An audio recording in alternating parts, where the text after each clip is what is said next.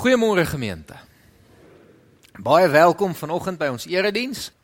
Ons gaan vanoggend saam lees uit 1 Konings, 1 Konings 19. So julle is welkom om daar saam met my oop te maak. Ons gaan lees vanaf vers 9 tot vers 16. 1 Konings 19 vers 9 tot 16. Hy het in 'n grot ingegaan en die nag daar deurgebring. Toe het die woord van die Here tot hom gekom en vir hom gesê: "Wat maak jy hier, Elia?" Hy antwoord toe: "Ek het met ek het my met hart en siel gewy aan U saak, Here Almagtige God. Die Israeliete het die verbond met U verbreek. Hulle het die altare afgebreek en die profete doodgemaak. Net ek alleen het oorgebly en hulle soek my om my ook om die lewe te bring." Maar die Here sê vir hom: Kom uit en gaan staan op die berg voor my. Die Here, ek wil verbygaan. Skielik was daar 'n baie sterk wind wat die berg stikkend geruk en die rotse gebreek het voor die Here. Maar in die wind was die Here nie.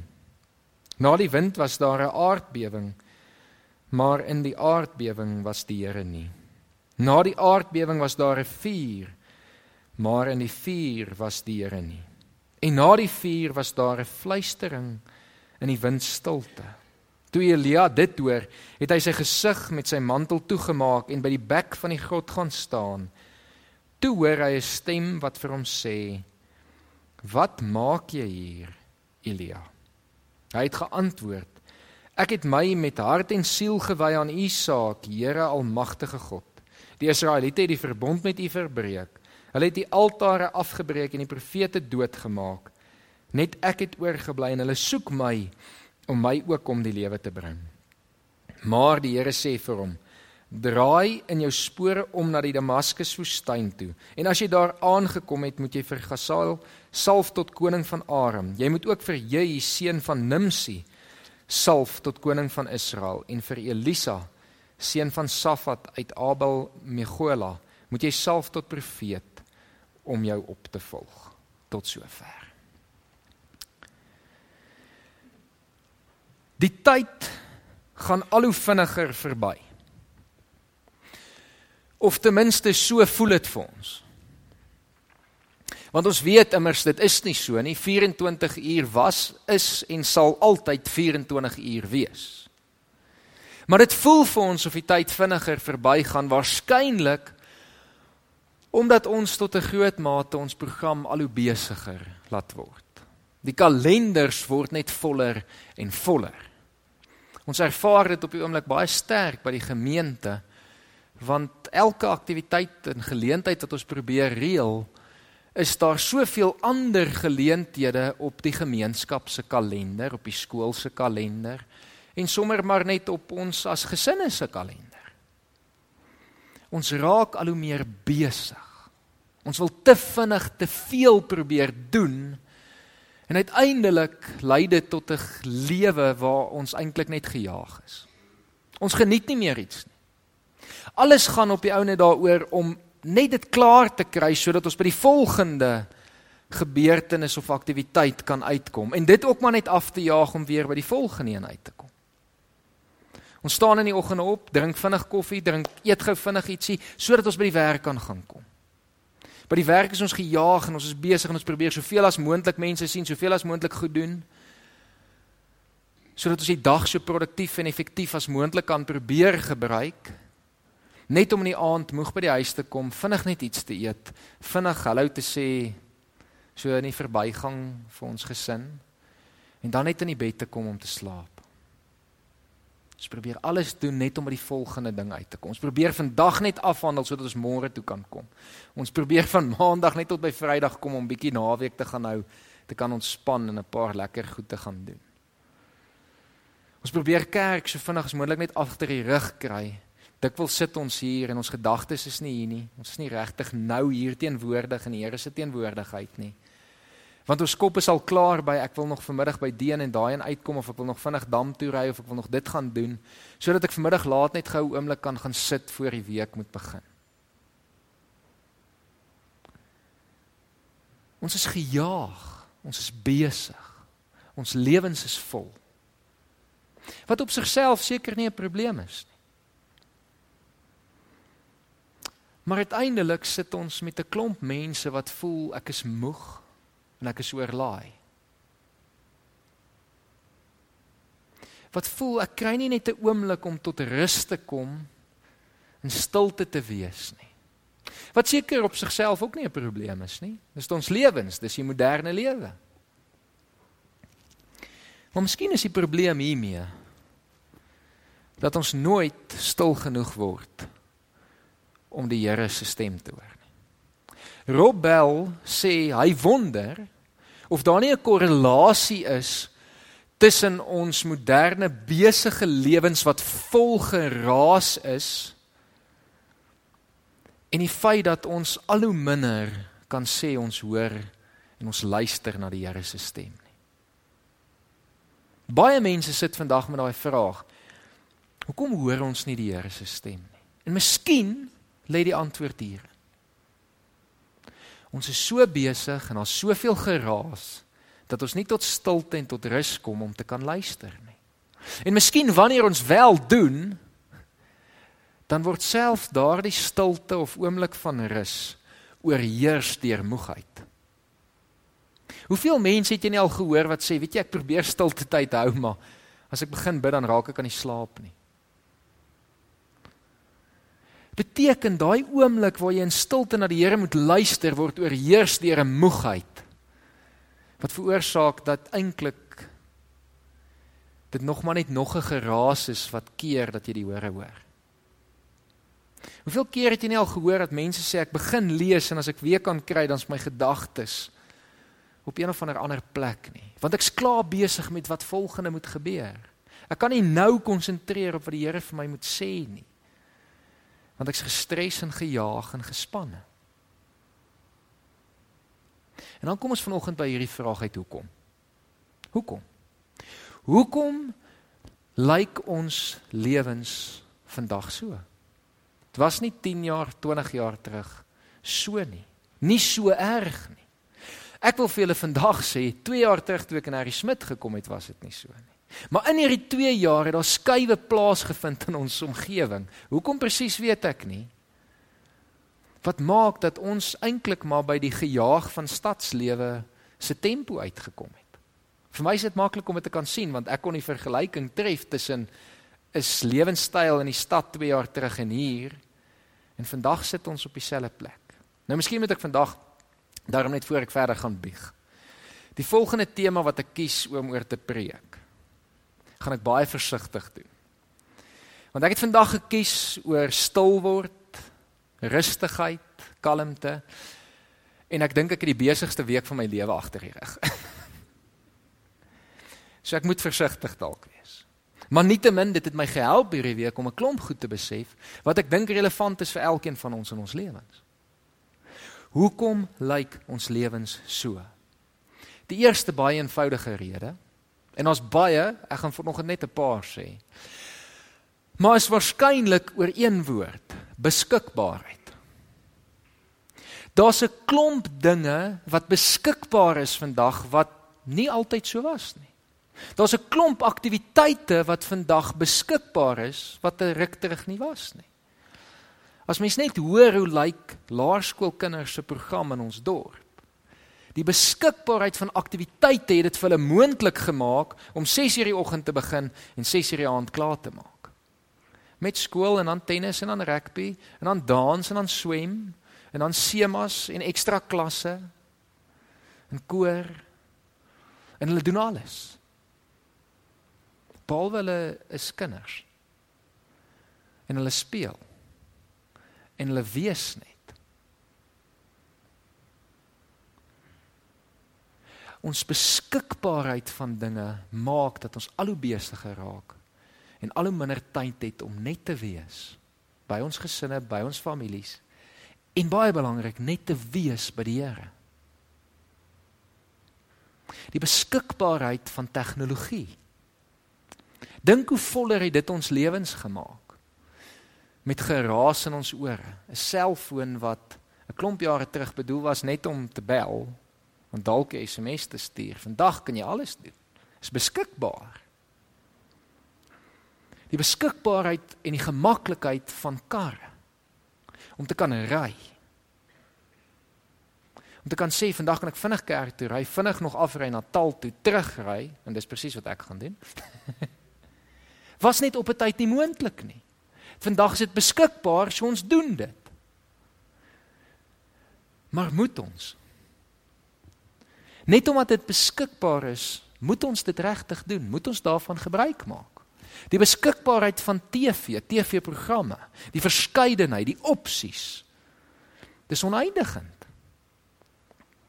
Met nuwe tegnologie soos Showmax en Netflix is nie meer net DStv nie. Hou ons so besig. Is nie eers nodig dat ons begin sê nee en ons sit af en ons draai af nie. Ons los die foon. Beskikbaarheid van dinge, van aktiwiteite tegnologie, gebeurtenisse, geleenthede, bymekaar komste het meer en meer geword en ons het net aanhou ja sê. Ja, ons kan dit nog doen. Ja, ons kan dit ook doen. Ja, ons kan dit nog by uitkom. En uiteindelik jaag ons van die een ding na die ander ding. Ons geniet niks meer nie en ons het nie meer tyd om rustig te raak en stil te word nie. Tweede ding dink ek is 'n soeke na sukses. Wat dit ook al mag beteken. Ons is so op soek na meer want eers het ons begin glo dat die leen van meer is beter en vinniger is goed. Het ons begin glo. So ons probeer nog grond boer nog beeste kry nog 'n deel plant nog 'n kliënt byvat nog 'n aktiwiteit vir ons kinders bysit want hulle moet suksesvol wees sodat hulle werk eendag kan kry nog 'n ekstra klas gemaak hulle 2% meer het en miskien bring dit hulle in om uiteindelik uh in 'n graad in te kom wat hulle andersins nie sou nie. Ons glo dit. Alhoewel ek baie sterk betwyfel of enige van dit waar is. maar ons glo dit en ons doen dit.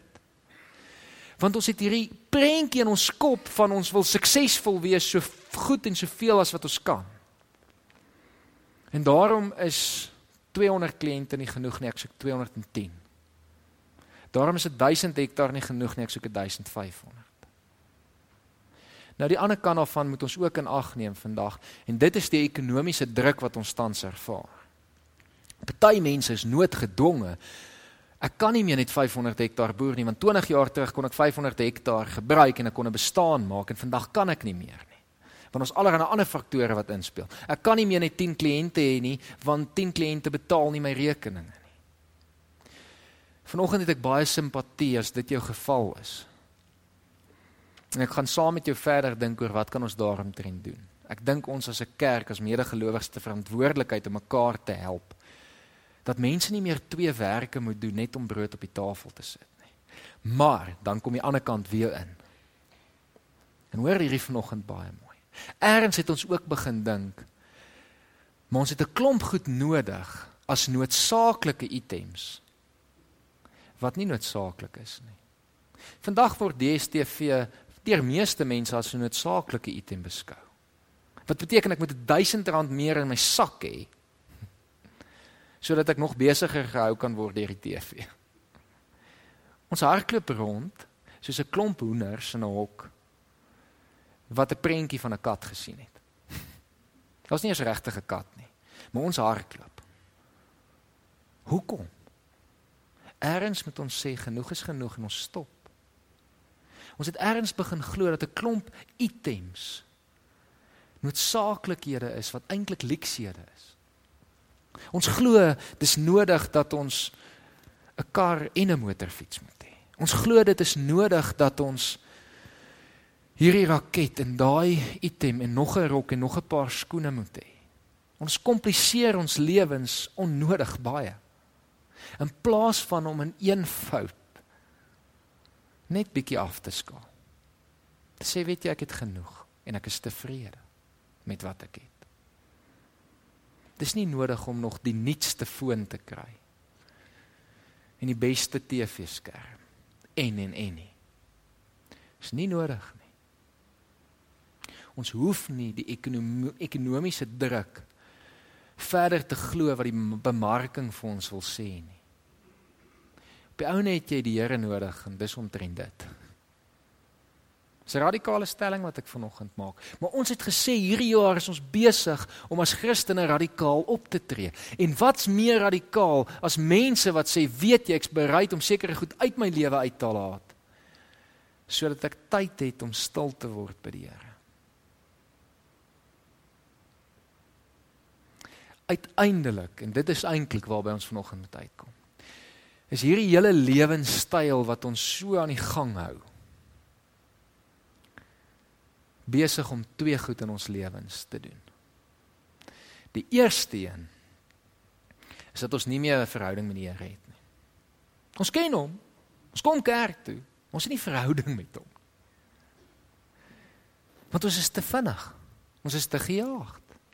En die tweede gevolg wat eintlik op dit dan nou bykom is dat ons uiteindelik nie weet wat die Here wil hê ons moet doen nie. Ons lewe nie meer volgens sy wil nie. En dit is die storie van Elia. 'n Paar weke terug het ek gepreek oor Elia en die Baalprofete en Elia wat met hierdie ongelooflike wonderwerk kom wat wys dat die Here die enigste God is. En hy's besig om herstel vir Israel aan te kondig want die feit dat hy dit gedoen het veroorsaak dat dit vir die eerste keer in jare weer reën. En dan die gedeelte net voor wat ons vanoggend gelees het, hoor ons dat Elia die boodskap kry dat Isabel die koningin hom wil doodmaak oor hierdie. En wat doen Elia dan? Hy hardloop. Hy dink nie eers nie, hy hardloop. Hy vlug. Hy hardloop in die woestyn in. En hy gaan kruip weg. En dan kom die Here na hom toe en hy sê vir hom: "Elia, wat maak jy hier?" En dan antwoord Elia so mooi. So opreg: "Here, ek het my gewy aan u saak met alles in my ek ek doen u wil. Hy lieg. Die Here vra van wat maak jy hier? Van die Here wil hy moet binne Israel wees. Hy moet besig wees om die koninkryk om te swaai, om 'n nuwe koning te salf, nuwe profete op te lei. Dis waarmee hy moet besig wees. Dis die Here se wil vir sy lewe, maar hy het nie stil geword om vir die Here te vra wat dit is wat hy moet doen nie. En daarom hardloop hy nog voor hy enigiets anders gedoen het en hy eindig op in die woestyn en dan ontmoet die Here hom daar en vra hom wat maak jy hier? Hy maar hy's daar want hy vrees sy lewe. Ons kan dit verstaan. Hy vrees sy lewe, maar hoe kan iemand wat 'n week terug hierdie ongelooflike gebeurtenis laat plaasvind het? Skielik begin twyfel of die Here aan sy kant is of nie. Skielik begin dink maar hy het regtig iets om te vrees. En dis presies hoe ons lewens lyk. Ons glo al hierdie boodskappe wat gekom het van waar ook al en ons vrees ons lewens en nou hardloop ons en ons is besig en ons probeer suksesvol wees en ons probeer geld maak. Maar nêrens stop ons en sê Here, wat is u wil nie? Nêrens word ons stil en vra vir die Here, Here, wat dink U moet ek doen nie? En dan gee die Here vir my antwoord en hy sê, "Elia, ek gaan weer met jou hier praat, maar ek wil met jou praat op 'n ander plek. Gaan vir my na die berg toe. Gaan nog meer in afsondering." Dan doen Elia dit. En dan verwag Elia die Here gaan in hierdie stormwind wees. Want dis mos wat ons dink. Die Here gaan in die volgende toespraatjie in die volgende gebeurtenis in die volgende ding wat ons luister of kyk op TV. Dis dis waar die Here gaan wees. En dan sien Here nie daar nie. En dan verwag hy hy gaan die vuur wees want dis mos waar hy vir Moses ontmoet het. Hy die Here moet in die vuur wees. Ek het gehoor hierdie persoon, hierdie prediker, iemand anders het die Here gehoor deur hom. So ek gaan ook soen toe gaan. En dan sien Here nie daar nie. En dan dink ons die Here gaan wees in die aardbewing. Ek het gehoor iemand het ongelooflike ervaring gehad in Israel. So ek gaan ook Israel toe. En dan sien Here nie daar nie. Want die Here is besig om vir jou te wag in stilte by jou eie huis, in jou eie kamer. Maar daar kom ons nooit nie. Want ons hardloop en ons vlug en ons is besig. En dan lees ons hierdie ongelooflike teks wat ek dink niemand al ooit eintlik reg gekry het om te vertaal nie. In die Afrikaans sê dit In die fluistering van die windstilte was daar 'n stem wat met Elia gepraat het. Dit was nie 'n klanke nie. Die stem wat gebruik word in Hebreëus is nie 'n stem wat 'n stem soos myne en joune het nie. Dit het nie klank by nie. Dit is meer 'n stem soos ons stem wat in ons gedagtes met onsself praat. Dit is 'n stem wat in die fluistering van die wind stilte, hoor die stilte. Met Elia begin praat en dan vra hy dieselfde vraag as die vorige keer. Elia, wat maak jy hier? En Elia antwoord dieselfde. Elia snap nog nie. Hy sê Here, ek het my gewy met alles aan u saak. Ek sien hier van mense wil my doodmaak. En dan sê die Here vir hom Elia, jy's nie klaar met wat ek gesê het jy moet gaan doen nie. Gaan salf hierdie mense, gaan tree op as profeet en sorg dat daar stel vir my volk kom. Gaan doen wat ek sê jy moet doen. Moenie gaan doen wat jy dink jy moet doen nie en dan sê dis my wil nie. Ons moet leer om stil te raak. Om tyd te maak die beste van ons dag. Om tyd saam met die Here te spandeer. Sodat ons regtig in 'n verhouding met hom kan leef en kan weet wat hy wil hê ons moet doen. Maar dit gaan nie kom met 'n vinnige oplossing nie. Dit gaan nie kom met nog 'n gejaagdheid nie. Dit gaan kom met Here, hier is ek. Ek wag op U. Praat wanneer U wil praat.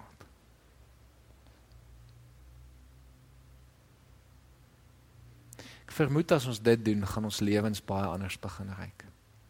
Ek vermoed as ons die uitnodiging regtig hoor wat Jesus sê, kom na my toe as jy moeg is en oorlaai is en ek gaan vir jou rus gee sal gebeur. Maar dit gaan van jou tyd vat. Dit gaan veroorsaak dat jy sekere prioriteitskuive moet maak. Ek ry vanoggend en ek dink by myself, hoekom is dit so dat in ons moderne samelewing en dis nou maar net wat ek agterkom observeer. Dan wil dit voorkom asof ons prioriteitslyste lyk soos volg: my werk, my sosiale lewe, my gesin, skoolaktiwiteite ander gebeurtenisse die kerk.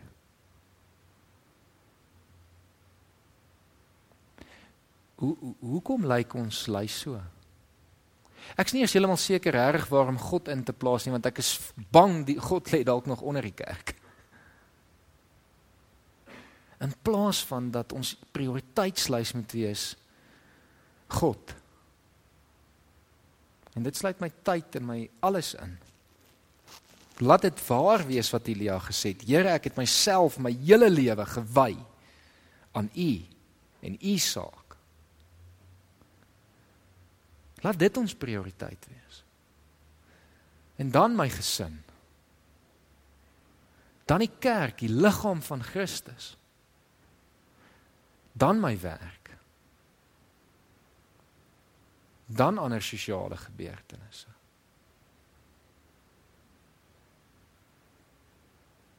Ek hoop ons as gemeente, al gaan die breër kerk dit nie reg kry nie. Hoop ek ons as gemeente gaan eers hierdie prioriteit skuwe kan maak en ek hoop ons gaan die vrugte daarvan kan pluk.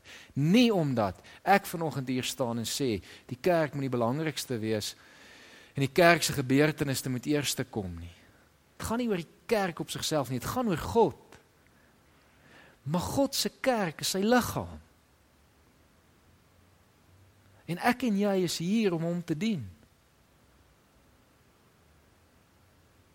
Ek hoop ons gaan dit kan regkry. Ek hoop 'n prentjie begin by jou wakker raak om daar uit te kom eendag. Nie om nog goed te doen nie. Ek is bang ons val vanoggend aan daai trap en ek's bang jy hoor vanoggend dat jy eers weer nog goed moet doen. En die kerk wil ook nou net hê jy moet iets kon doen. En die kerk wil net ook hê jy moet iets bywoon. Na die week het ek begin dink, miskien is dit tyd dat ons sê, weet jy, ons doen baie min. maar ons wees baie in die Here se teenwoordigheid. En wanneer hy dan sê ons moet iets doen, dan doen ons dit en ons doen dit voluit. En ons doen dit bo enigiets en enige iets anders. Want dan glo ek ons sal 'n gemeente wees wat die Here verheerlik. En dan glo ek ons sal 'n gemeente wees wat voel ons lewens is in balans. Wat moet jy vanoggend doen? Hoe moet jy vanoggend die uitstap? 1. En ek sê hierdie vanoggend baie sterk vir myself, begin nee sê. Begin nee sê vir 'n klomp goed in jou lewe. Dit gaan jou oopmaak om uit te kom by ek kan stil word en tyd saam met die Here spandeer. En doen dit soveel as wat jy kan. Laasweek, ek weet nie of van julle dalk gesien het nie, was hier weer 'n koevert, 'n uitdaging wat hom nie gerd gegee het, hy het dit nie uitgelig nie. Ek het besluit om die koevert te vat uh en die uitdaging te gaan doen. Die uitdaging was gaan dink weer terug oor jou lewe. Waar die Here lig was in jou lewe of waar die Here deur jou lig was vir iemand anders. En was 'n klomp stories wat ek gedink het om vanoggend te vertel. En uiteindelik te besluit ek ek gaan die storie vertel van die eerste keer wat ek hierdie teks gepreek het. En dit was so 4 jaar terug, 5 jaar terug. In my vorige gemeente waar ek die oggend opgestaan het en kerk toe gegaan het. En ek was so klein bietjie laat en ek het daar aangekom en ek het gaan sit en en ek het gesien maar die predikant is nie lekker nie. En die skriba stap op op die verhoog en sê kan iemand kom help. Ek gaan toe vorentoe en ek praat met die predikant en ek sê vir hom wat's fout? Kan sien sy pupille is groot, hy's nie lekker nie. Hy sê hy weet nie. Hy begin deurmekaar praat. Ek sê vir hom kom met saam met my. Ons stap af agter in die konsistorie in. Ek vra of hom daar een of twee vrae kom agter hier's regtig groot fout. My pa kom agter in. Ek sê vir my pa, die man moet hospitaal toe. Hulle gaan, ek stap op. Ek gaan staan. Ek kyk. Daar's nie 'n preek nie. Maar daar's 'n teksgedeelte. Hierdie teksgedeelte. En ek ehm um, vat die teksgedeelte, ons sing 'n paar liedere. Dit was daarom vooraf gereël so die oralis het geweet wat moet daar gebeur. Ons sing die gedeelte, ek lees die gedeelte. En ek kry 'n glimlag op my gesig want vir 3 weke het die Here met hierdie gedeelte met my gepraat. En alhoewel ek toe nou sommer so uit die voet uit moes preek, kon ek dit doen want want vir die laaste 3 weke praat die Here met my oor hierdie teks. En tot vandag toe kan ek nie eens reg vir julle sê wat ek gepreek het nie. Maar gelukkig het die gemeente nou uit het gesê, die Here het met ons gepraat. Ek was net die instrument, maar dit kon gebeur en dis waar ek vanoggend wil aansluit. Dit kon gebeur want ek het gaan sit en ek het tyd saam met die Here spandeer. En hy kon dit gebruik om lig daardie oggend deur my te wees in 'n situasie wat andersins wie weet wat sou gebeur het. Gelukkig ek moet dit daarin bysê die predikant is heeltemal gesond en reg en so vandag het was breinvliesontsteking. Hy was 3 weke in die hospitaal, maar hy's reg. My uitdaging vanoggend aan jou.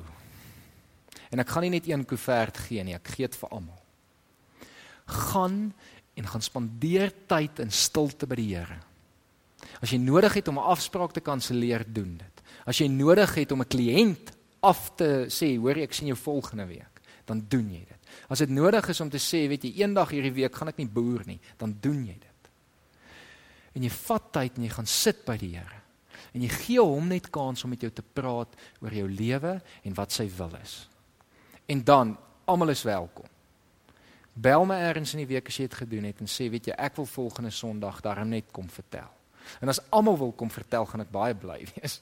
Ons sal dan nie erediens net anders inrig. maar as dit moet dan doen ons dit. Kom ons word mense wat nie lyk soos die wêreld nie. Wat nie deel is van die gejaagdheid nie. Maar wat sê ek ken die Here. Ek het 'n verhouding met hom en ek weet wat hy wil vir my lewe. Kom ons bid saam. Here, dankie Dankie vir Elia. Elia wat 'n magtige profeet was en tog tog ook geworstel het en gesukkel het en gehardloop het. Selfe foute wat ons ook maak, Here. Maar Here, dankie dat ons na sy storie kan kyk en kan sê Here, ons wil uit sy foute leer en ons wil stop. Ons wil 'n oomblik tot rus kom. Ons wil in stilte en u teenwoordigheid kom sit. En Here, ons wil kom vra dat u hierdie week met ons gemeente, met elke individu sal praat. Here dat U vir ons net weer sal kom sê wat ons moet doen, wat ons moet verander, waar ons moet wees, waar ons nie moet wees nie. Here want uiteindelik soos ons vanoggend se diens begin het, smag ons na U en U alleen. En ons weet U is ons bron van krag. Niks of niemand anders nie. Ons bid dit in Jesus se naam. Amen.